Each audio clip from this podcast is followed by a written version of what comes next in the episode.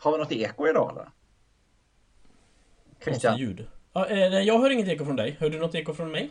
Nej, du låter för oförskämt bra. Oh, det var väl på tiden. Ja, vad har du gjort? Tränat.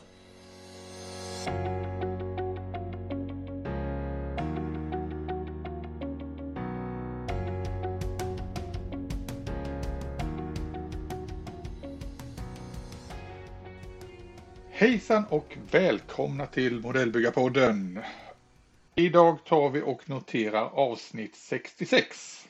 Och eh, då tänker jag inleda med att eh, säga vad är den gemensamma nämnaren för en 70-talsvilla i Falkenberg, ett radhus i Allingsås och ett hotellrum i Bergen?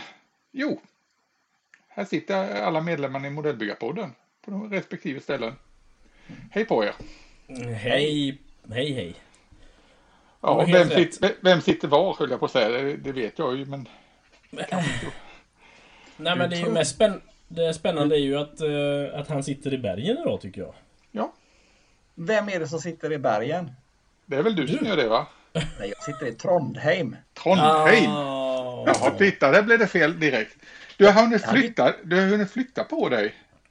Ja, jag börjar i Trondheim och sen är det Bergen och sen Stavanger och sen mm. Kristiansand. Ja, ja, det, går, det går inte att hålla reda på dig där uppe, men du är i alla nej, fall nej. Du är utrikes i alla fall. Korrekt. Ja, utanför EU till och med. Ja, faktiskt. Ja, ja men eh, allting är bra med er annars?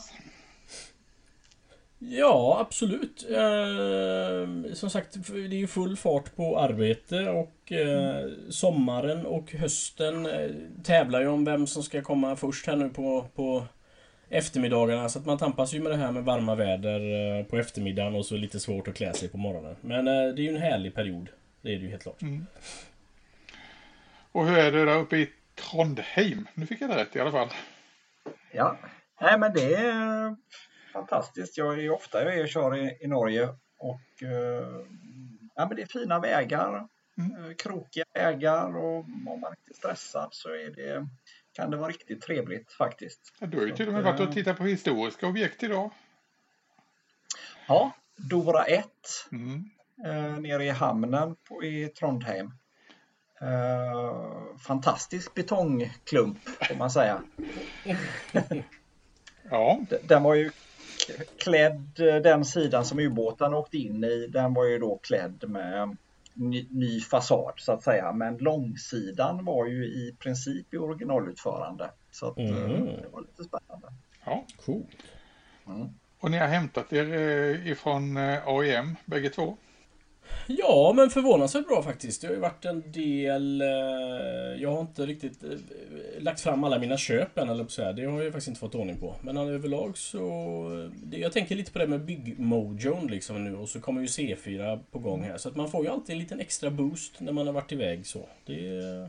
Mm. Så det tycker jag känns väldigt skönt. Du är ganska taggad nu. Ja, det, det måste jag faktiskt säga att jag är. Uh, I alla fall på att ses. Sen kanske inte så taggad på att ta med mig någonting att tävla med just nu känner jag. Men det kom, den känslan infinner väl sig snart, hoppas jag. Och Erik, du är också taggad efter, jag på säga, segern? Oh ja, jag, eh, jag ligger och sover med medaljen runt halsen fortfarande nästan. Erik, jag tror vi får prata om, jag tror Nej, vi får prata om det här lite, lite allvarligt. ja, Nej då, nej men jag, nu var det så mycket här inför den här resan så jag har väl inte hunnit uh, göra så mycket men jag hade ju, har ju med mig lite grejer här så att det är, uh, jag kör på och jag har ju väldigt målmedveten till att ha med mig ett par byggen till C4 uh, också. Så att nej, men jag mm. har siktet inställt helt klart. Ja, du sa du har med dig lite grejer. Både du Erik och du Christian ni är ju ute och reser i jobbet en del. Brukar ni ha prylar med er? Sitta och pilla med ni, ja, för att få tiden att gå på hotellrummen?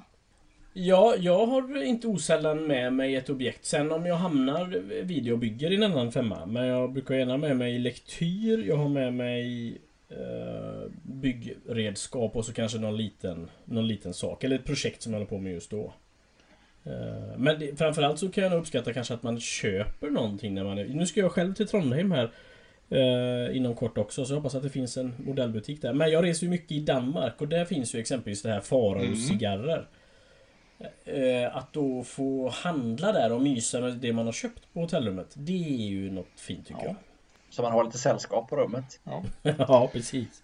Ja, hur tänker du Erik när du plockar med dig grejer på, på resande fot? Vad är det du tänker att du, vad kan du göra när du är iväg? Du drar väl inte med dig airbrushen precis? Nej, men ibland har det varit att jag har haft med mig allt utom airbrushen i princip har det känts som. Eh, men det har varit lite olika faktiskt. Eh, eh, om man ska iväg på över en natt till exempel, då, då är det kanske inte lönt att släppa med någonting. Men ofta så reser man kanske två, tre nätter.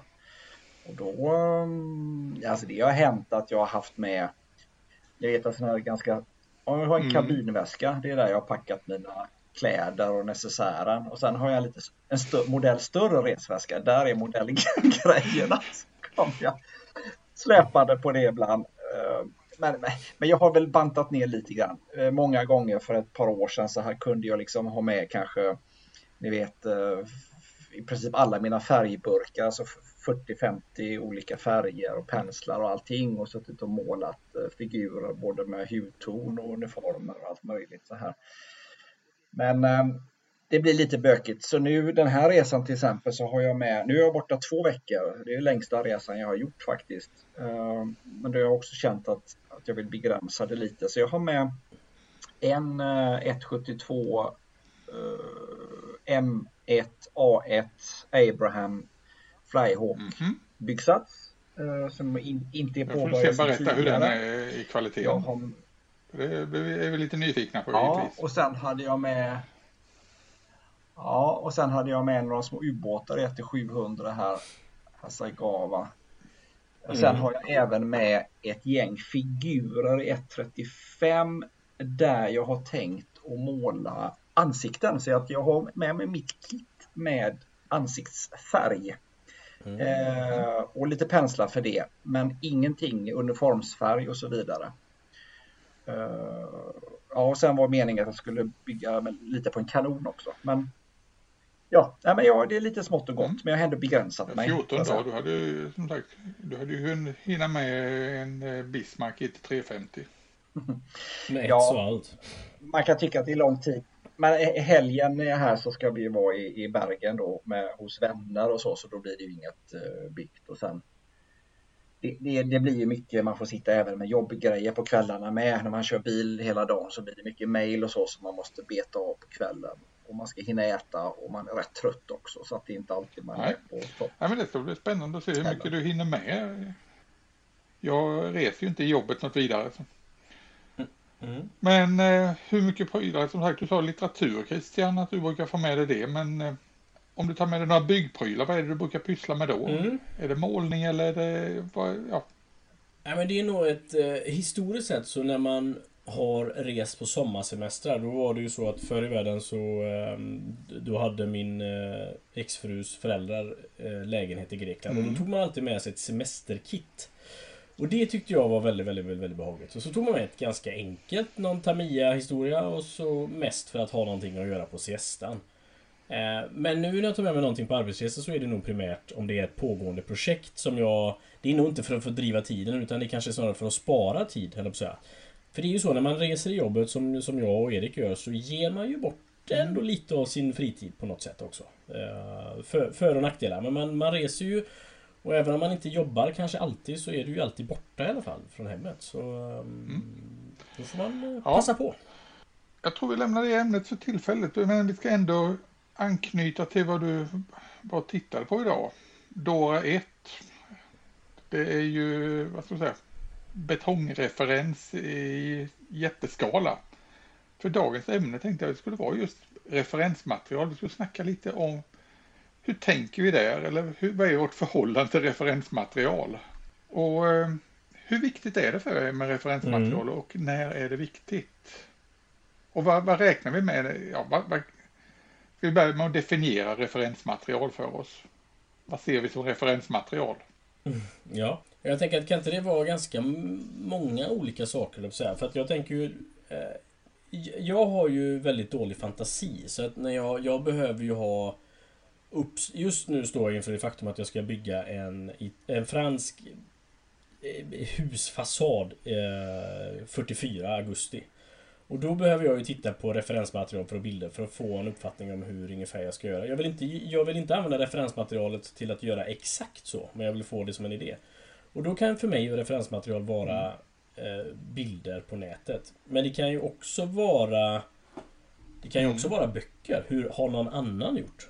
Så att eh, Böcker och magasin. Det kan vara både och, ja. tänker jag. Erik, hur är ditt förhållande till referensmaterial? Vad, vad, vad, vad använder du dig av mest? Vad, vad definierar ja. du som referensmaterial för ditt, eh, ditt byggande? Ja, man kan ju dela in det i två saker. Dels är det rent referensmaterial och sen är det ju mm. sådana material för att få idéer och spåna vidare kanske på, på någonting som man redan har kommit på så att säga. Men om vi, om vi tar just det här som är rena, du har redan idén mm. och så vill du ha referen var hittar jag referenser? Då är det ju eh, jag söker ju på nätet på bilder väldigt mycket. Jag har ju massa böcker och så också. Eh, men böckerna för mig handlar mer i sådana fall om det är mm. Eh, byggtekniker och så vidare. Jag, jag letar nog efter riktiga bilder i första hand. Eller riktiga bygg, byggnader så att säga. Och sen när man reser mycket och så, så tar man ju mycket bilder när man ser något unikt. Mm. Eh, sliten husfasad eller någon gammal bro eller vad som helst. Och även när man är utomlands och så, så tar jag ju väldigt mycket bilder. Eh, så att eh, ja, det är väl det som är mm. största. Bilder framförallt, det är, det är mitt referensmaterial. Mm. Men, men såklart om det är någon faktasak, då kan det ju vara en faktabok som är till exempel nu när jag eventuellt skulle bygga en, uh, scratchbygga en, en uh, kanon från 1700-talet. Då, då, då, finns det mm. inte så mycket bilder på sådana kanske just den modellen jag var ute efter utan då där får man ju hitta någon faktabok i sådana fall med, med kanske lite mått mm. och sånt här då. Ja, för mig är ju framförallt referensmaterial i grund och botten ritningar. Det är det jag framförallt letar efter. Ritningar och färgplanscher på saker och ting. Jag är väl mm. kanske lite fyrkantig i huvudet där. Men det har vad, väl... vad, vad menar du med ritningar då? Ja, alltså ska jag till exempel bygga en stridsvagn mm. så vill jag gärna ha ritningsmaterial på det. Alltså, det behöver bara egentligen vara sidvy uppifrån, framifrån och så vidare. Och det är ju för att jag ska kunna, ska jag börja detaljera utöver byggsatsen och kanske även kolla om byggsatsen stämmer så vill jag ju eh, jag vill ha någonting att jämföra med gärna. All right. det var konstigt. Mm, mycket. och sen i och med att jag bygger fartyg också. Där mm. anser jag att ritningar är jättebra om man kan få tag på det. Mm. För det material som följer med i en eh, en fartygsbyggsats, till exempel när det gäller rigg, det brukar vara väldigt undermåligt. Ja, okay. Och jag har märkt att eh, det är inte alltid man kan lita på det som är där i till exempel i boxart och liknande när det gäller hur riggen ser ut och hur den ja, ska vara dragen och detaljer och liknande. Mm. Utan då gäller det ja, att försöka hitta bra böcker istället. Jag har en liten spaning där på det här som du säger med detaljering och så att mm. om, du, om du vill kolla närmare på en stridsvagn och så vidare. Personligen så känner jag att det har blivit mindre viktigt för mig ur ett byggperspektiv att eh, Ofta är det så när man säger att man ska bygga någonting i lådan mm. så gör man ju inte det utan du lägger till någonting, du scratchar något i plastic card eller för att du vill eh, Du vet att på den här modellen så sitter den här delen istället på ett annat ställe och så vidare. Men jag har börjat känna att jag är ganska nöjd med... Jag köper gärna PE och andra saker mm. till, till en vagn. Men jag känner mig ganska nöjd med att jag behöver inte konvertera och dona så mycket för att den ska vara så realistisk och lik originalet som möjligt. Jag vet inte, hur känner ni? Ja, det, det beror ju lite på, när du säger stridsvagnar. Jag har ju inte gått in så mycket så att jag ska detaljera liksom, eller göra en specifik vagn Nej. Så har jag liksom aldrig, jag har inte börjat tänka i den, de banorna. Så avancerad pansarbyggare är jag inte så att jag kan säga, oh nu ska jag göra Wittmans vagn vid den här tidpunkten. Mm. För nej, det, där är jag liksom inte ännu. Och det är samma sak när det gäller om jag skulle bygga ett flygplan. Så, utan det får bli en representation av en viss modell. Och eh, Ja. Ja, jag tycker att då referensmaterial kan hjälpa mig. Det kan, ju mer och bra ritningsmaterial jag har, desto säkrare känner jag mig i bygget. Däremot när jag bygger fartyg, då är jag lite noggrannare. Mm. För fartyg till skillnad från stridsvagnar är verkligen individer. Ja, ja. Jag menar, Bismarck, det var ett unikum. Visst, Tirpitz mm. hon liknade Bismarck väldigt mycket, men det finns avgörande skillnader. Så de här stora fartygen, de är solitärer. Ska man få ihop dem någorlunda, då gäller det att eh, titta på material. Men sen är det ju som du säger, liksom att eh, hur viktigt är det egentligen? Ja, det är kanske viktigt för mig som individ. Jag ja. vet inte om någon skulle reagera på det, om de tittar på det. Nej, det är just det. Och anledningen till också att jag tar upp det nu, det är lite grann för att eh, Rickard, och Göteborgs AIM Rickard, eh, på en tävling där så minns jag att, och jag har ju jag har ett stort pansarintresse så att jag skulle nog säga att min, min kunskap om vissa vagnar är större kanske än gemene man. Det skulle jag nog kunna säga. Och då, då hade han gjort en tiger och så konstaterade jag att det fanns vissa felaktigheter på den tigern. Eh, och den skulle bland annat i den tidseran, i och med att den var gjord då under en viss period, som man kan se på alla tillbehör när den är gjord, mm. en tiger. Så konstaterade jag att den skulle ju ha simmerit exempelvis och så vidare. Och, då, och han påminner mig om det nu eh, Även den här gången när vi var i Aeroseum liksom att, att uh, hur, Ja uh, Nästan hur påverkad han blev av det men eh, så, och, och, därför på något sätt har jag Jag ska inte säga att jag skäms nästan för det men jag det som är viktigare för mig nu för tiden kan jag tycka det är att det ska vara en specifik enhet och då vill jag nästan veta vad vagnschefen hette på den vagnen. Men om en lucka sitter fel eller så vidare, så vidare. Så det, det tycker jag inte är så viktigt faktiskt längre. Men, eh, men som sagt, referensmaterial kring eh, förband som slogs på vissa exakta geografiska platser. Det är nog kanske det sexigaste jag vet just nu. Och Erik, vad är, det, vad är det sexigaste du vet just nu? Det gäller referensmaterial. Uh, jag, jag vet inte. Jag, det blir ju när man går in för någonting ja, men som den här kanonen så då går man ju all in och mm. försöker hitta bilder och ritningar och, och så här. Va? Så det, det blir ju det när man verkligen ska starta ett projekt. Då, då plötsligt så pang letar man efter referensmaterial som man aldrig någonsin tidigare hade drömt om att sitta och leta mm. efter. så att säga. Så att det, jag, jag kickar nog igång först när, när jag ska starta ett projekt. så att säga. Jag sitter inte och söker allt för mycket ja, bara random liksom, eh, bara för jag är nyfiken på massa saker, utan nyfiken blir jag när jag väl startar ett projekt.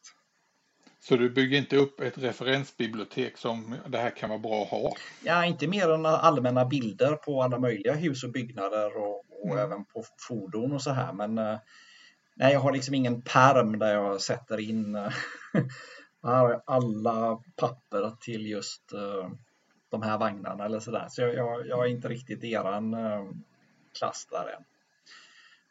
Men däremot så, jag vill bara säga det här med referenser, det, det, var ju faktiskt en grej som när jag började bygga, då hade man ingen koll på det där, eller man, man hade inte förstått att det var så viktigt så att säga. Men det var ju något man förstod för ett par år sedan att oj, ska jag nu ha en, en, eh, en stridsvagn till exempel, kan jag lika gärna vara ett flygplan, som jag bestämmer. Ja, det ska ha ett diorama som ska utspela sig på um, i Normandie kan man då säga bara då helt plötsligt så inser jag att shit, här gäller det här kan ju inte ha vilka beteckningar som helst eller vilken modell av vagn som helst och ska den ha simmerit och, och så vidare. Så mm. Plötsligt så insåg jag att det var ju nästan så jag kände ett tag att halva byggnöjet försvann därför att halva tiden gick åt till att göra vattentäta research för, för så grejerna, uniformerna och vagnar och allting stämde så att säga.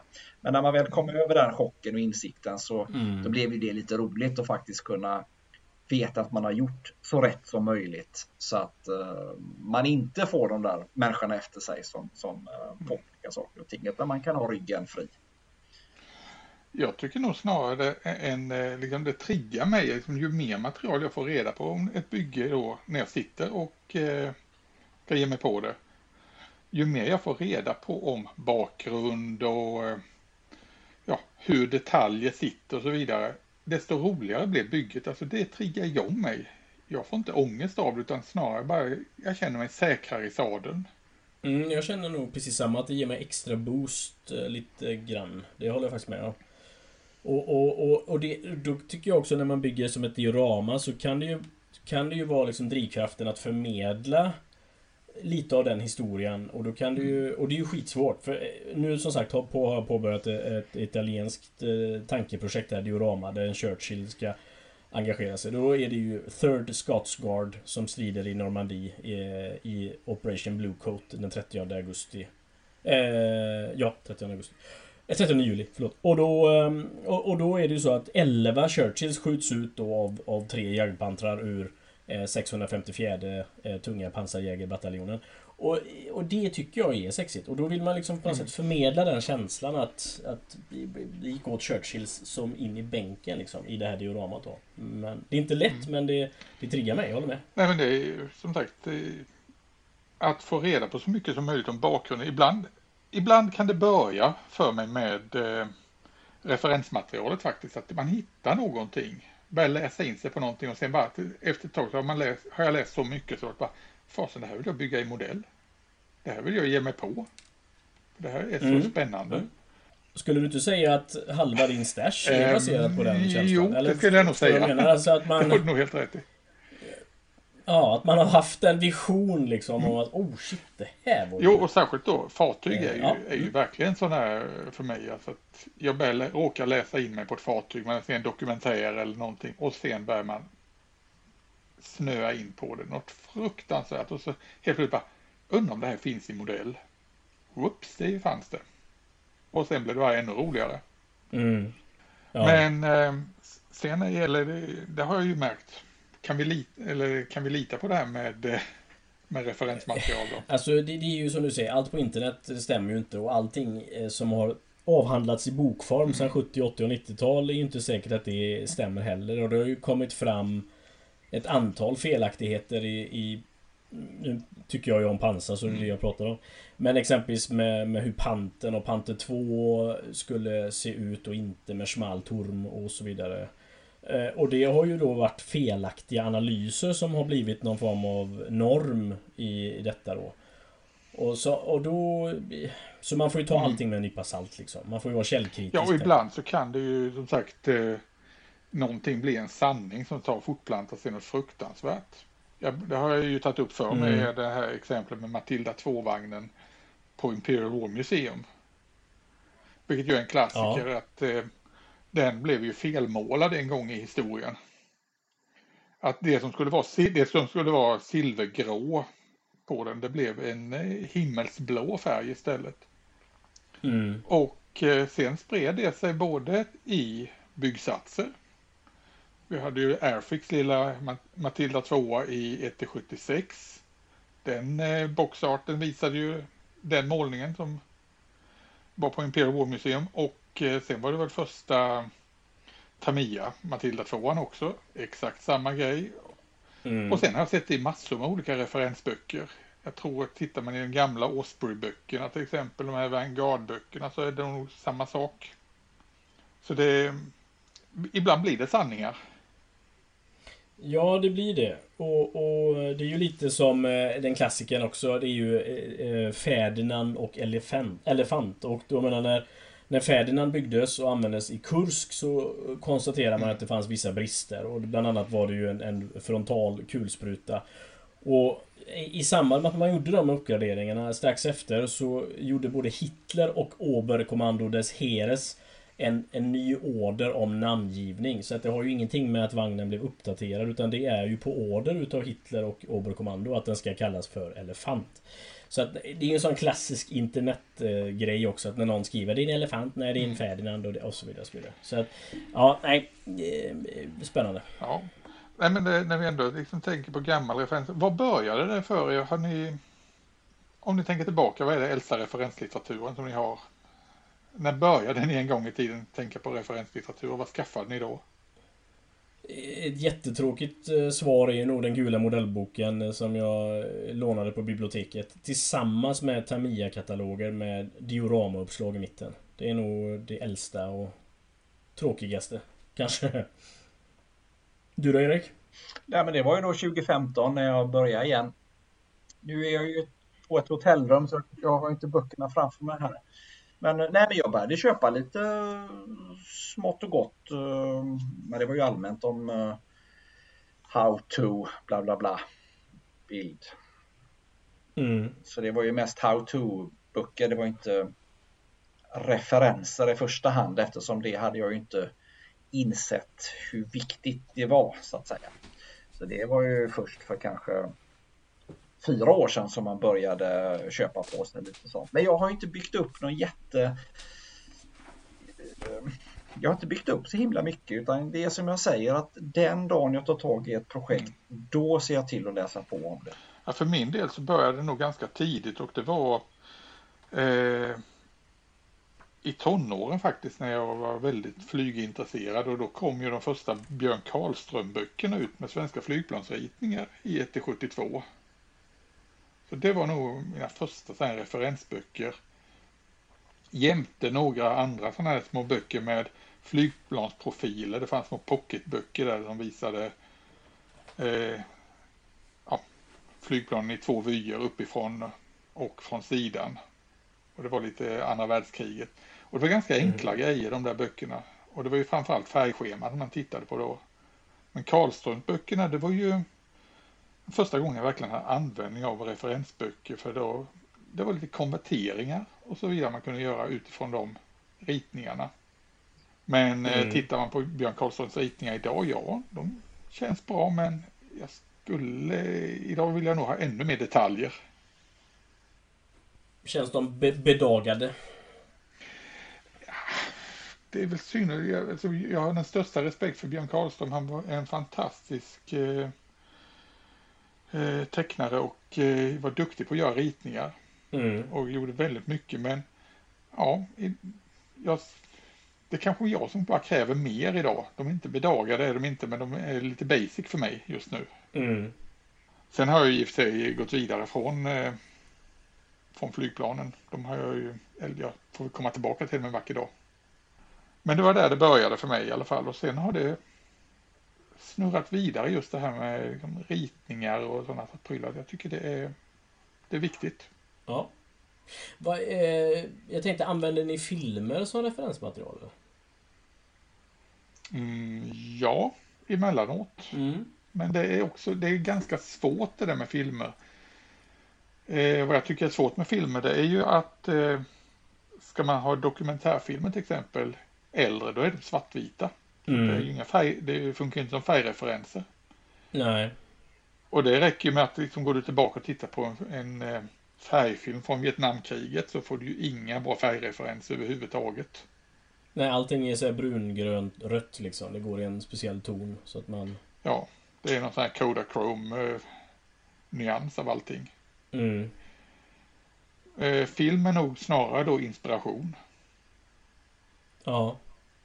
Ja men jag kan tycka att film kan inspirera att vilja ta det vidare, ett bygge vidare liksom. Eh, och, och jag minns när jag såg, vad heter den här eh, båtfilmen när han är, chef över en konvoj eller så Han åker på en jagare som ska transportera en konvoj över mm. Ja, Greyhound kanske? Greyhound ja. ja. Just så och även framförallt då när den nordafrikanska serien kom om, eh, om SAS. Mm. Det var ju också någonting som verkligen fick triggade mig på alla eh, cylindrar. Så att, ja, som du säger, man kanske inte använder det som färg och modell. För ibland kan det ju vara väldigt mycket inaccuracies också. Det kan ju vara väldigt mycket som inte stämmer i en film. Så, så det går inte alltid att använda. Men det... Ja, och sen är det ju alltså rena falsarier emellanåt. Alltså vi har eh, Tigervagnen från Saving Private Ryan och sådana prylar. Mm, ja, precis. Eller, det är lite svårt. Ja, vi kanske inte ska använda Patton pansargeneralen som eh, referens när det gäller stridsvagnar. Nej, det är klokt. Nej, men film är ju svårt att ha som referensmaterial såklart i och med att det är rörligt och det är svårt. Sådär. Men det, det jag har gjort ibland mm. det är att jag tittar på journal, filmer och så har jag sett någon byggnad eller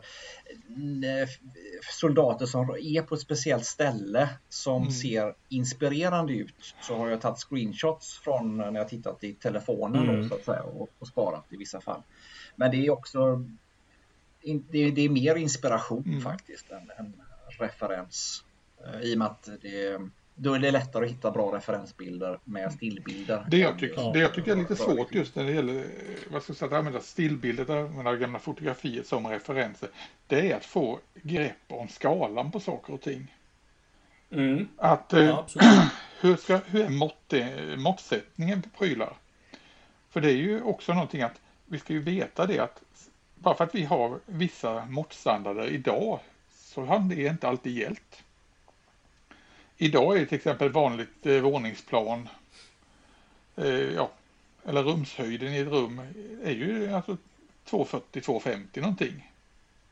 Mm. Och dörrarna är anpassade till det och så vidare. Men går vi tillbaka i tiden så är det ju helt andra mått som gäller och det är väldigt eh, beroende på vilken nation det är också. Som det här nu pratar om att du ska ha en fransk fasad. Ja. Vad är det för mått som gäller på ett fönster? För det har jag ju sett ganska direkt att har man fel proportioner på det så att höjd och bredd och så vidare inte stämmer, då, det känns bara fel. Mm. Nej, du har helt rätt. Och jag, i och med att jag scratchbygger ganska mycket så tror jag generellt att jag bygger saker och ting. Jag brukar ju bygga 1.35. Jag bygger nog generellt sett lite större. Eh, faktiskt. Och sen om det beror på mina till- tillkortakommanden eller inte. Men det, det, du har helt rätt att det är jättesvårt att få till eh, rätt skala faktiskt. Det med. utifrån referensbilder, det gäller att hitta någonting som man kan, eh, vad ska man säga, som man ungefär har måttet på. Till exempel en eh, jeepdunk är ju en sån där sak, det vet vi ungefär hur stor den är. Mm. Så hittar man en sån här, ett oljefat, hur högt är det? Ja, det har vi också ganska bra koll på. En cykel, all- alla sådana här föremål. Sånt brukar kunna hjälpa mig om jag ska försöka få, eh, ja, fixa en måttsättning på någonting. Men annars tycker jag det är jättesvårt. Och det har ju också lett till en grej att när jag själv tar referensfoton då är jag så pass nördig så då har jag med mig ett måttband eller en tumstock som jag inkluderar i bilden. Ja, ja. det är ju knäppa sak nummer Mm. två idag. Ja. Nej men alltså, ta, om jag, jag har eh, alltså i, ja, i jackan är ofta ett stålmåttband som jag drar ut till en meters längd. Och ska jag ta och fota någonting Mm. så, och jag kan komma fram och ställa det jämte det här måttbandet på utdraget till en meter, då, då gör jag det. För det där lilla strecket det hjälper mig otroligt mycket sen när jag börjar mäta i själva fotot. Mm. Ja, det låter ju väldigt klokt. Och eh, jag höll på att säga det, det ledde ju till att jag vid ett tillfälle när jag blev eh, riktigt nördig för då mätte jag ju upp hela den här eh, gamla försöksmodell 21 stridsvagnen när den var på Axvall, vår första stridsvagn. Jag Mm. tror du skulle säga att jag blir Mm. inlagd då. Nej, det var, väl, det var väl inte långt ifrån att jag gjorde men eh, jag tror jag har eh, ett hundratal gamla fotografier där och alla bilderna har just det här vad ska jag säga, måttbandet med. Och jag höll på så länge med det där så det var ju folk som kom och besökte, de trodde jag tillhörde personalen på Axvall. Så de började ställa frågor till mig och jag kunde ju inte låta bli utan jag behövde ju hjälpa folk också till rätta. Ja, ja, ja. Det- Det är ju på den nivån. Ja. Men annars Nej. är det ju när när man tar bilder på, som du säger det här, det är ju jätteviktigt med proportioner och så vidare. Men ibland då till exempel när man är i Spanien eller Italien och fotar en husfasad bara på långt håll, bara för det är de snygga färger och snygga former på fönster och så, så är det, då kan man ju inte springa där med ett måttband så att säga. Men ofta så ser man ju proportionen på bredd och höjd på fönstren till exempel. Som i Italien, vissa delar i Italien så är det väldigt vanligt att de har väldigt höga fönster i, i vissa byggnader, så ganska smala också så att säga. Det blir, då kanske jag inte behöver, ingen fara med att inte veta om, om fönstret är en meter eller en och 20 brett, utan jag ser ändå proportionen på bredd och höjd. Så när jag gör det på en, ja, en fasad jag gör själv så att säga, så får man ändå hy, hy, det ser hyggligt ut. Det är ingen annan som kommer tänka på det så att säga. Så det, det går ju ändå att klara sig hyggligt med proportioner Mm. så att säga. Jag höll på att säga, ska, vi, ska man lyckas fuska in eh, bra eh, mått också så ska man egentligen ha med sig själv på bilden. Se till att familjen tar och fotar en där. För jag, där har vi i alla fall koll på hur långa vi själva är. ja, det är sant. Mm, 1,20. typ. Nej, men ofta så kan det ju stå en bil parkerad eh, utanför ett hus till exempel. Så det, man- det ofta brukar det finnas någon form av eh, referens eh, kanske. Mm. Det kan man, man får ju tänka på det. En annan sak ja. som jag märkt alltså att eh, fällor som man kan tänka när det gäller det här med referensmaterial. Det är ju åldern på prylar. Har ni tänkt på det? Just när det gäller hus och liknande. Ska man göra någonting från 1944, ja, då börjar man, eller 1950-talet som jag har varit inne på och börjat titta efter prylar. Och då börjar jag se liksom, okej, okay, börja googla runt, leta på saker, eh, hus 1950-tal, så får jag fram en massa funkishus från 50-talet. Men eh, mm. vad man ibland glömmer det är ju att vid en speciell tidpunkt då är det de grejerna fram till den tidpunkten och äldre prylar som förekommer. Så bara för att man har år 1950 så kan det lika gärna stå en bil från 1934 jämte. Ja, det är, nej, det är en god tanke. Och framförallt att huset, alltså ser du en bild från andra världskriget så kan ju huset vara byggt 1890. Det har du ju helt rätt Ja, eller 1790. Ja, absolut. Nej, det är en Mycket mer tanke. sannolikt till och med att det är 1790 om det är en tysk stad. Ja. Men har du efter 45, när det är någon gång kalla kriget, då är det kanske mindre chans att det där huset från 1795 står där. Ja. För det, det tog väl brittiska strategiska bombkommandot och jämnade med marken vid något tillfälle. Ja. Vad var det mer jag tänkte på här när det gäller referenser?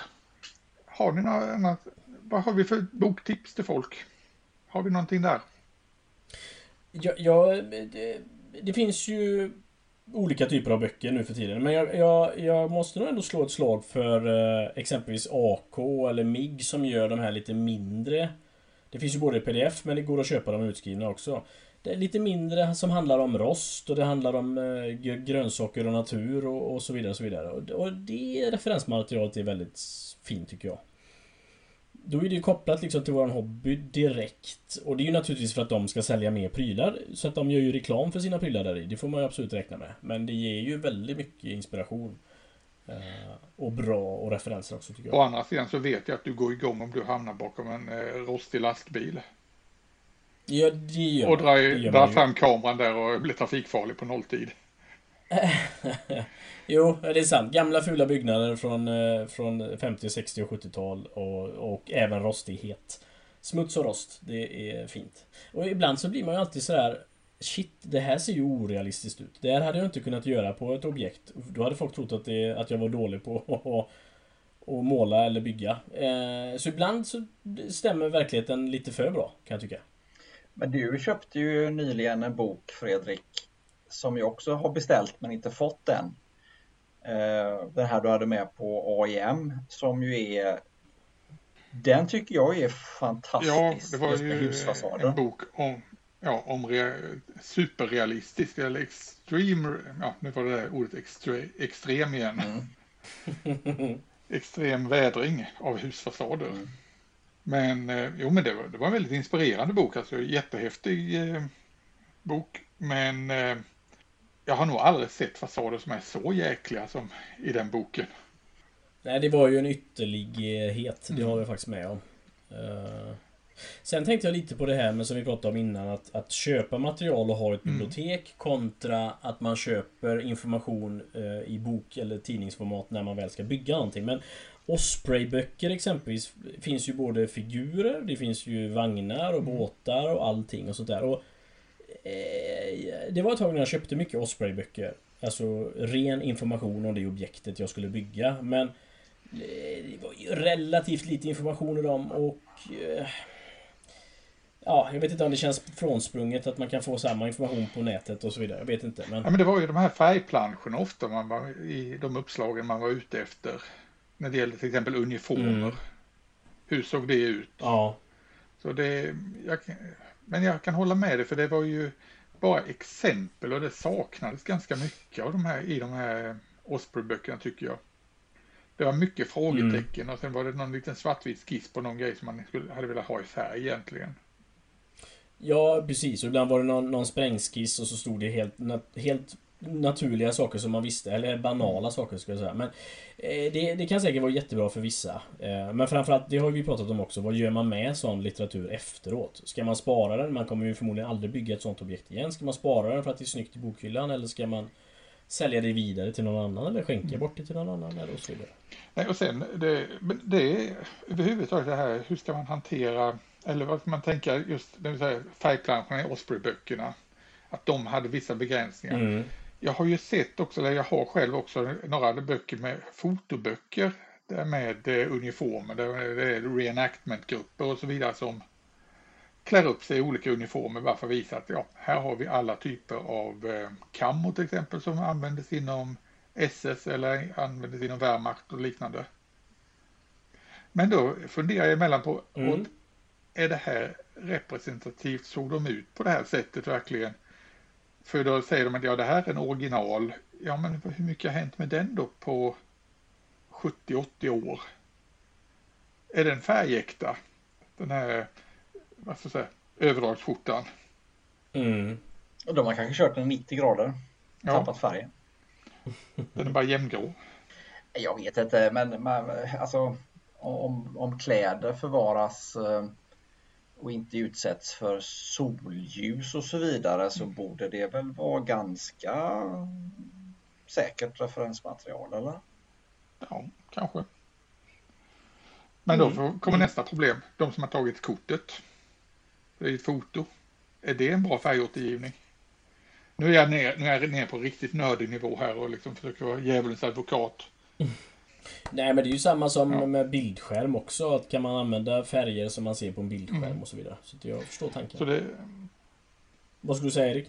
Nej, jag skulle, nej, jag skulle inte säga något speciellt. Nej, men jag bara tänkte på det här att jag förstår Fredrik, du älskar ju, du är ju supernörden av oss eh, tre. Så att jag, jag blir inte förvånad av några av de här eh, eh, djupdykningarna du gör så att säga. Men om, om vi nu maler ner det hela till att det är modeller och figurer som vi ställer ut på C4 och AIM till exempel. Så tror jag inte att det är något problem så sett att någon kommer att ifrågasätta de valen man gör så länge det inte ser eh, jättekonstigt ut så att säga. nej, och vi ska nog inte... Det, det är nog, man ska nog i slutändan tänka så att det är för en vad ska jag säga, egen tillfredsställelse som vi ska försöka få ihop det hela. Mm. Men eh, säger Mm. att jag är supernörd men jag är med i en del forum där det finns ännu värre nördar än mig. Och jag kan säga att de värsta nördarna som jag har stött på det är nog inte när det gäller till exempel pansar eller fartyg och sådana saker utan det är faktiskt science fiction. Där kan vi prata om Mm. nördar. Eh, jag är med i ett par forum där man bland annat har väldigt stora diskussioner om Star Trek-modeller. Exakt hur såg Enterprise ut vid ett visst tillfälle och så vidare. Och vad har man att gå på då? Jo, några halvdassiga tv-bilder av en studiomodell. Och det drar man jätteväxlar på. Så det, Men jag tänker inte, inte osällan kan man ju, exempelvis sci-fi-bokhandeln har ju ganska, då finns ju sådana extremt nischade böcker, och typ Batman. Och då, då kan man se, som du säger, vad heter det, ritningar på hur Batman-bilen såg ut och sådär. Finns inte det på Star Trek också? jo då, det finns hur mycket sånt där som helst. Mm. Och eh, jag skulle ge mig på nu att bygga faktiskt den här stora eh, Enterprise i 1-350 nu under senhösten. Det är ju ett av mina så att säga, planerade byggen. Ja. Och jag blev ju nästan livrädd när jag började läsa på om hur folk börjar bygga den här modellen och all referensmaterial och så vidare som de plockar fram kring detta. Och eh, inser att skulle man gå på all referensmaterial där då skulle jag, då skulle jag aldrig bli färdig med modellen för det första. för då, det finns de alltså som sitter och målar varenda panel på det här eh, rymdskeppet i lite olika toner och helst så ska det ju stämma med någon halvdassig tv-bild. Ja, okej. Men eh, ja, annars jag tycker det är väl eh, kan man säga en befrielse just med, eh, med science fiction att man skulle egentligen inte behöva bry sig så mycket om referensmaterial. Men det är ju nog egentligen, för min egen del, är nog där jag använder mest referensmaterial. Ja, för jag tänker det är ju där man borde ha sin konstnärliga frihet på Mm. något vänster. Lite som What If-vagnar exempelvis, eller What Ja. If-flyg liksom. Men det är där jag använder referensmaterial som inspiration framför allt. Jag tittar Mm. på kammon från andra världskriget och första världskriget och tänker okej, okay, hur kan jag göra detta i en snygg science fiction-variant och få in den här rätta känslan där?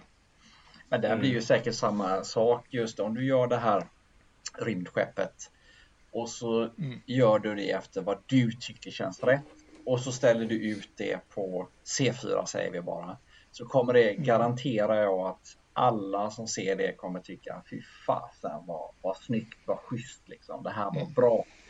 Men sen lägger du, tar du bilder på det så lägger du ut det på sånt här nördforum. Och då plötsligt... Och så blir jag sågad ja, då, då, direkt. Då, då vet du inte vad som händer. Alltså det kan bli, ja, det kan bli katastrof liksom. Så det, man får ju ha, tänka på det där lite grann kanske också när man gör vissa saker. Att jag kanske inte ska lägga ut det på något forum om det inte är vattentätt. Eh, för annars är det som, eh, ja det är bara som att be om det alltså. Eh, tyvärr, mm. det är ju mm. nack, nack, vi har ju pratat om det här med forum och, och, sociala medier och så. Det finns ju för och nackdelar men det, det här är ju typexemplet på en, en nackdel så att säga när det är så mm. Mycket åsikter om saker och ting som egentligen ingen har speciellt mycket rätt och fel så att säga eftersom det bara är en mm. tv-serie. Det är ju ingenting med och dessutom gammal med färgåtergivning och allting så att säga. Ja. Jag kan ju säga det också att eh, jag kommer ju behöva leta referensmaterial nu framöver. Jag har ju sagt det att jag ska ge mig på att försöka bygga en bil också under hösten. Mm. Och mm. Eh, det är väl någonting, jag, jag måste ha någon jäkla diagnos där som jag, jag vill ju ha det så bra som möjligt. Så hur ser det ut under, under motorhuven egentligen på en gammal Golf till exempel? Kan du inte bara ha en stängd? Jag är så, jag är så dålig på bilar så jag måste nog hitta bra referensmaterial. Men måste du ha huven öppen då? Det finns ju en motor i byggsatsen. Ja, den kan du spara och sen ställa ett diorama i en verkstadsmiljö istället. Nej. Nej, nej, nej, visste nej, nej, nej, nej, nej, nej, nej, Erik. Ja, och Christian bara ler här. Jag försökte bara spara 40 timmar av ditt liv. Vad ska han ha dem till? Ja, men det är väl viktigt att få tändkablarna rätt. Absolut. Ja. Jag har ju suttit och lagt en jäkla tid här på tändkablarna på den där lilla Lancia pansarbilen så. Ja, ja. Hur många diagnoser? Jag, jag, är, jag, är redan in, jag är redan inne i vinkelvolten vet ni.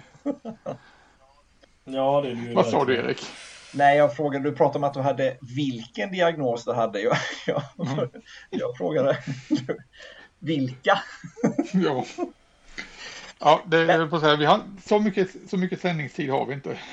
Men, men en grej, jag tänker på det här med referenser och så. Mm. Som hänger ihop lite grann med det, det här vad som är sant och inte sant. När vi ser då byggen på nätet, hur, hur mycket hur nördig ska man vara när man ska kommentera liksom vad andra har byggt när man ser att någonting är uppenbarligen fel så att säga som det som Christian var inne på då att man ser någonting. Vi har ju pratat om det här i tidigare avsnitt mm. och kommit fram till att man generellt sett så är man ju väldigt försiktig med att ge kritik eh, så.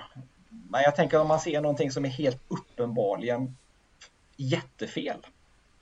Jag tycker man i alla fall, ska man ge kritik då ska man köra den här two stars and a wish principen i alla fall. Att du ska inte bara komma och sabla ner utan du ska försöka ja, visa på vad är bra också med det här mm. bygget. Mm. Så att det är liksom balanserat och kritiken ska vara konstruktiv. Då... Det, det märks att du är utbildad i den svenska kommunala... Ja, jag är lärare som sagt. Nej men det är... Alla, alla, ska, alla ska med och alla ska må bra. Nej men jag kan nog tycka att är, är det historiskt inaccurate och att byggaren faktiskt har det som mål att det ska vara historiskt korrekt. Då tycker jag det hör till en skyldighet att faktiskt påtala såklart på ett jättefint och mysigt och kramvänligt sätt. Eh, men eh, jag tycker man ska påtala det. Jag grävde ju upp min stridsyxa här för eh, någon vecka sedan Eh, jag, jag, går ju igång lite grann på det här med de som eh, designar, 3D-designar figurer mm. och släpper, släpper dem då så att folk kan printa och sälja det. Och som ni vet då så ibland så är det någon, ser jag på nätet, och så är det någon som har tagit fram en serie med figurer och så är det det här med axelremmarna som vi också pratat om tidigare. Mm. Som gärna hänger i luften uppåt, alltså man ser inte att det är någon tyngd i geväret de bär. Och då var det en, en tillverkare som hade släppt ett nytt set då och jag, de figurerna var inget fel på. Det var bara det att uh, fyra av sju figurer som gick och marscherade hade det här, var enligt mig då, felet. Vilket jag påpekade för mm. den här tillverkaren och skrev det bara att fan det ser ut som de det är, synd, det är roligt att ni släpper figurer men det är synd att det ser ut som gevären liksom hänger och flyger i, i luften. Mm. Och så svarade han... Gevär, gevär gjorda i balsaträ alltså i princip. Ja, och så svarade han att ja, jag, tror, jag tror du menar andra fabrikat, för mina fabrikat, det är inget fel på dem, skrev han. Och då gick jag igång. Uh, och då gick jag ut på nätet och letade reda på typ tio referensbilder på marscherande soldater med, med gevär. Det var rätt svårt att hitta det faktiskt, men då, då la jag upp de här tio bilderna. Bara pang, pang, pang, pang, pang. Sen sa han aldrig något mer. jag vet inte. Åh oh, herregud ja, ja, jag, gick, jag, jag går igång Christ. på det. Ja men det är så här, det är det av en enkel ja. anledning. Jag är sugen på att köpa figurer. Jag vill samla på mig figurer mm. men då vill jag ju ha, det ska vara snygga figurer och välgjorda. Eh, och sådana här grejer mm. har jag ju aldrig någonsin sett på skulpterade figurer. Alltså aldrig någonsin. Det är ett helt nytt fenomen som helt hänger ihop med, med 3D, med, med dataritade mm. figurer. Att folk vem som helst nu kan, kan sitta och rita figurer som inte ens vet hur eh, ja, så, figurer. Det är samma sak med kroppsställningar och sånt. Alltså många kroppsställningar är jättedåliga. Ja, men det, det, där, där, där måste jag faktiskt säga att eh, kroppsställningar på gamla skulpterade figurer, det kunde också vara väldigt konstigt. Och så fort, i alla fall så fort de skulle ha dem injektionsgjutna sen, då blev det väldigt ruggigt. Jag brukar ju ta den här, eh, vad är det? Eh, gamla förare eller vagnschef till hetsen. Jo, jo, men nu, nu pratar ja. du om grejer som gjordes Nej, men det, det kan, det kan förekomma fortfarande. Med... Men det, det, vi har ju pratat om det, det har ju att göra med begränsningar i ljudteknik och så vidare. Men är det så att om vi har väldigt mycket referenskunskaper eller kunskaper om originalen. Är det egentligen, är det kanske vi som lider mest i det läget också? Jo men ignorance is a bliss som man säger. Det är klart att, att uh, ju mindre man vet desto lyckligare blir man ju, höll säga. Så, så um, och, och jag kan förstå vad Erik går igenom när han och det kan ju vara olika saker som triggar den och i det här fallet var det ju en gubbsak naturligtvis då. Men, eh, men jag kan absolut bli triggad när man När man tror att man har gjort på, på rätt sätt med en vagn eller och så vidare. Och, så vidare. Och, och framförallt då för att då, då bara förlänger du de här felaktigheterna och du cementerar dem historiskt liksom. Och det är lite som när det sprids photoshoppade bilder på nätet med vagnar som är helt mig, rent och skärt påhitt. Och då, ja, då kan jag gå igång. Liksom. För jag tycker att det är kulturellt brott faktiskt mm. att sprida kunskap som är fel. Men det här med det, faktiskt. i och med att du sitter på en hel del kunskap här om pansar, massa referenskunskaper. Kan du bortse mm. från det när du dömer i en tävling då? Om du dömer pansarklassen? Eh, ja, och, och, det är väl lite till den insikten jag kommit där som jag nämnde förut där, att för mig är det ju egentligen inte så viktigt att, om man, och framförallt när jag dömer så, så tittar jag inte alls på den historiska eh, träffsäkerheten där. Nej, det bra. faktiskt inte. Det, det känns Nej, tryggt. så det har jag problem med. Ja, ja absolut. Eh, jag kan väl säga det att när det gäller, vi var ju tillbaka till det här vad vi verkligen tycker om för referenslitteratur. Jag är väldigt förtjust i en eh, en bokserie som heter Shipcraft. Jag har nämnt den tidigare, tror jag. Engelska böcker som tar upp olika fartygstyper. Jättefina böcker, ligger runt eh, 200 spänn styck. Och tar upp liksom, eh, ja, andra världskriget väldigt mycket. Och det fina med de böckerna är att förutom att det är historien bakom en fartygsklass, även då finns eh, väldigt mycket fina bilder. Både på hur rigg ser ut, detaljer och liknande och även olika färgsättningar. Mm. Men sen finns det också en eh, för oss modellbyggare underbar del i de här böckerna och det är det att det finns en liten katalog i dem. Vilka har gett ut modeller av de här fartygen och vad finns det för tillbehör? Sen får man ju se det att ja, det är ju den, den biten blir daterad ganska snabbt men eh, vid den tidpunkten då boken gavs ut då var det i alla fall giltigt så man kan ju se vad har mm. funnits mm. som inte annat. I med, och då, då, kan jag ställa en, jag ska inte säga motfråga, men då tänker jag hur, hur hur länge kan vi använda referensmaterial och hur länge kommer det finnas som ett begrepp i form av exempelvis bok och magasin och andra typer av... Eller är, kommer den digitala verksamheten ta över allting? För att den går att uppdatera med ett knapptryck eh, och så vidare. Ja, det är en bra fråga. Det har ju med böckers värde, böckers värde generellt mm. sett naturligtvis. Och det har ju med, med, med vi har pratat om det här med lexikon liksom hemma. Lexikon 24 bands mm. lexikon. Eh, det har ju ingen hemma längre och så vidare. Så vidare. Nej men det, det, jag, jag ser ju det är ett stort problem. Alltså, just det här du sa att man manipulerar bilder. Vi vet inte vad vi kan lita på mm. när det gäller nätet. Och samtidigt, och det har vi sett nu till exempel med eh, kriget i Ukraina, att eh, det dyker upp hur många olika varianter som helst på fordon.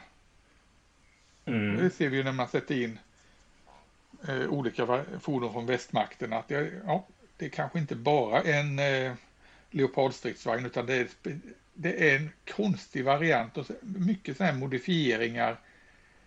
Det är svårt att göra generella böcker tror jag idag om, om till exempel. Skulle, du kan nog inte göra en generell bok idag om leopardstridsvagnen. Leo 2 Nej, det, det För den blir, den blir, den blir gigantisk den boken. Den blir det och samtidigt så har ju, finns det ju, äh, vet det, Eh, producenter som redan har gjort vagnar i Ukraina då i 135. Alltså som, som släpp nu. Så det har ju gått väldigt fort. Och men som komplement till det som du nämnde där. Det, det kan jag tycka som ett referensmaterial att eh, Förut när, när USA gick in i Kuwait mm. 91 så Då fick man ju se vagnar bli, eller man fick se utslagna vrak som var efter fronten. Alltså då var det ju mindre människor som följde med i fronten. Nu serveras man ju med dagsfärska bilder ifrån fronten. Så att du får Du får hur vagnarna ser ut när de skjuter ut varandra och inte efteråt. Eh, så det tycker jag har förändrats oerhört mycket. Förut fick du bara se efterdyningarna av kriget och nu får du faktiskt vara med i i, och, och, och, och, man kan ju tycka vad man vill om det. Jag har slutat följa det för jag tycker bara att det har hållit på för länge och man blir bara trött i själen av att se det liksom. Men det serveras ju på ett väldigt eh, tacksamt sätt om man är intresserad idag. Det var intressant att sa det här med utslagna vagnar. Eh, hur tänker ni bägge två när det gäller just om ni ska göra ett vrak, till exempel en utbränd stridsvagn eh, med tornet bortskjutet. Vi kan ta den gamla klassiska T34 med tornet bortskjutet, utbränd. Hur noga med att det ska stämma inuti? Skulle ni vara i det fallet? Hur mycket referensmaterial skulle ni leta efter? Eller är det bara hiva ner lite plast och måla det utbränt? 100% accurate ska det ju vara. Annars så kan det ju kvitta, tänker jag. Allvarligt? Ja, ja. Ja, absolut. Annars, nej, nej. Och, och det man är osäker på får man väl dölja då. Men, men saker som syns ska ju vara 100%. Eh, annars så, som sagt. I, mm. i, I min optik så gör jag ju det inte. Erik, hur tänker du? Om du skulle göra motsvarande? Jag har ju tänkt att det hade varit coolt att göra något sånt många gånger, men jag har avhållit mig från det just för jobbet jag inser att det är att eh, bygga det som är inne i vagnen som ska synas. Då. Så det är, det är därför jag har avstått från att göra sådana byggen hittills. För jag hade, jag, jag hade velat, jag är inte lika nördig som Christian, men jag hade velat att titta, jag menar folk kommer ju titta ner i hålet och då måste det se till 90 procent ut i alla fall som det gör, hade gjort i verkligheten. Och det, jag, jag har inte den kompetensen att göra det. Eller, så att jag, nej, det blir ingen sån bygge. De få erfarenheter jag har av det, det är ju att det blir, det, det kräver ju en enorm insats till väldigt lite payout, eller säga. Man, man får inte så mycket tillbaka, eller säga. Man får eh, bara en hög med det, det, det, är ju en konst i sig och det är ju inte som att stoppa in en, en smällare i en, en stridsvagn som man gjorde när man var liten. Även om det är ju fantastiskt kul. Men det är ju inte samma. Nej, alltså jag, jag har gått och grundat lite på just det här av den anledningen. Som, okej, okay, hitta referensmaterial som visar innandömet på en T34. Jag har inte sett så väldigt mycket sådant. Det var, för vid, tid, vid tidpunkten så var det väl ingen som brydde sig om att fota. Eh, hur ser den ut inuti? Det var inga eh, liksom, Wehrmachtssoldater som var framme med kameran. Oh, titta nu ska jag fota innandömet på en utbränd T34 som vi har slagit ut här.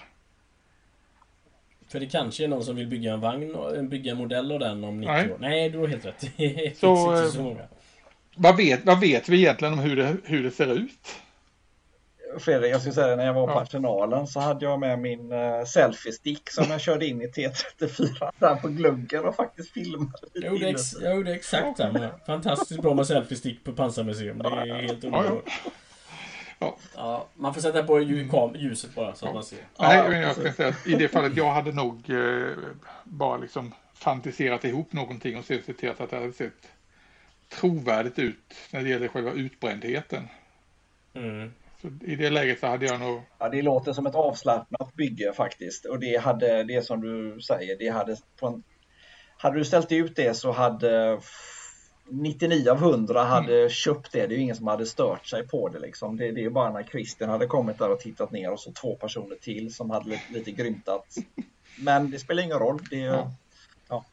det hade blivit uppskattat ändå. Ja, det, då får vi se. Jag har nog någon T34 liggande någonstans som vi kan, som kan bränna ut. Men ja. det får väl ligga långt fram i tiden. Nåväl. Eh, ska vi ta och återgå till vår verksamhet nu. Våra byggbord alltså. I Trondheim, Alingsås och Falkenberg. Mm. Det tycker jag vi gör. Jag håller på med en, en, fransk figur här så jag ska fortsätta med den. Och jag tror jag ska försöka... Har han baguette? Eh, oui, väl ja. oui. Som en god vän till mig sa, lita aldrig på ett folk som bär hem frukosten i armhålan. Jag tror vi låter det bli slutordet. Ja, det var bra slutord. Eh, ha det gott med er. Vi hörs. Hej. Samma. Hej.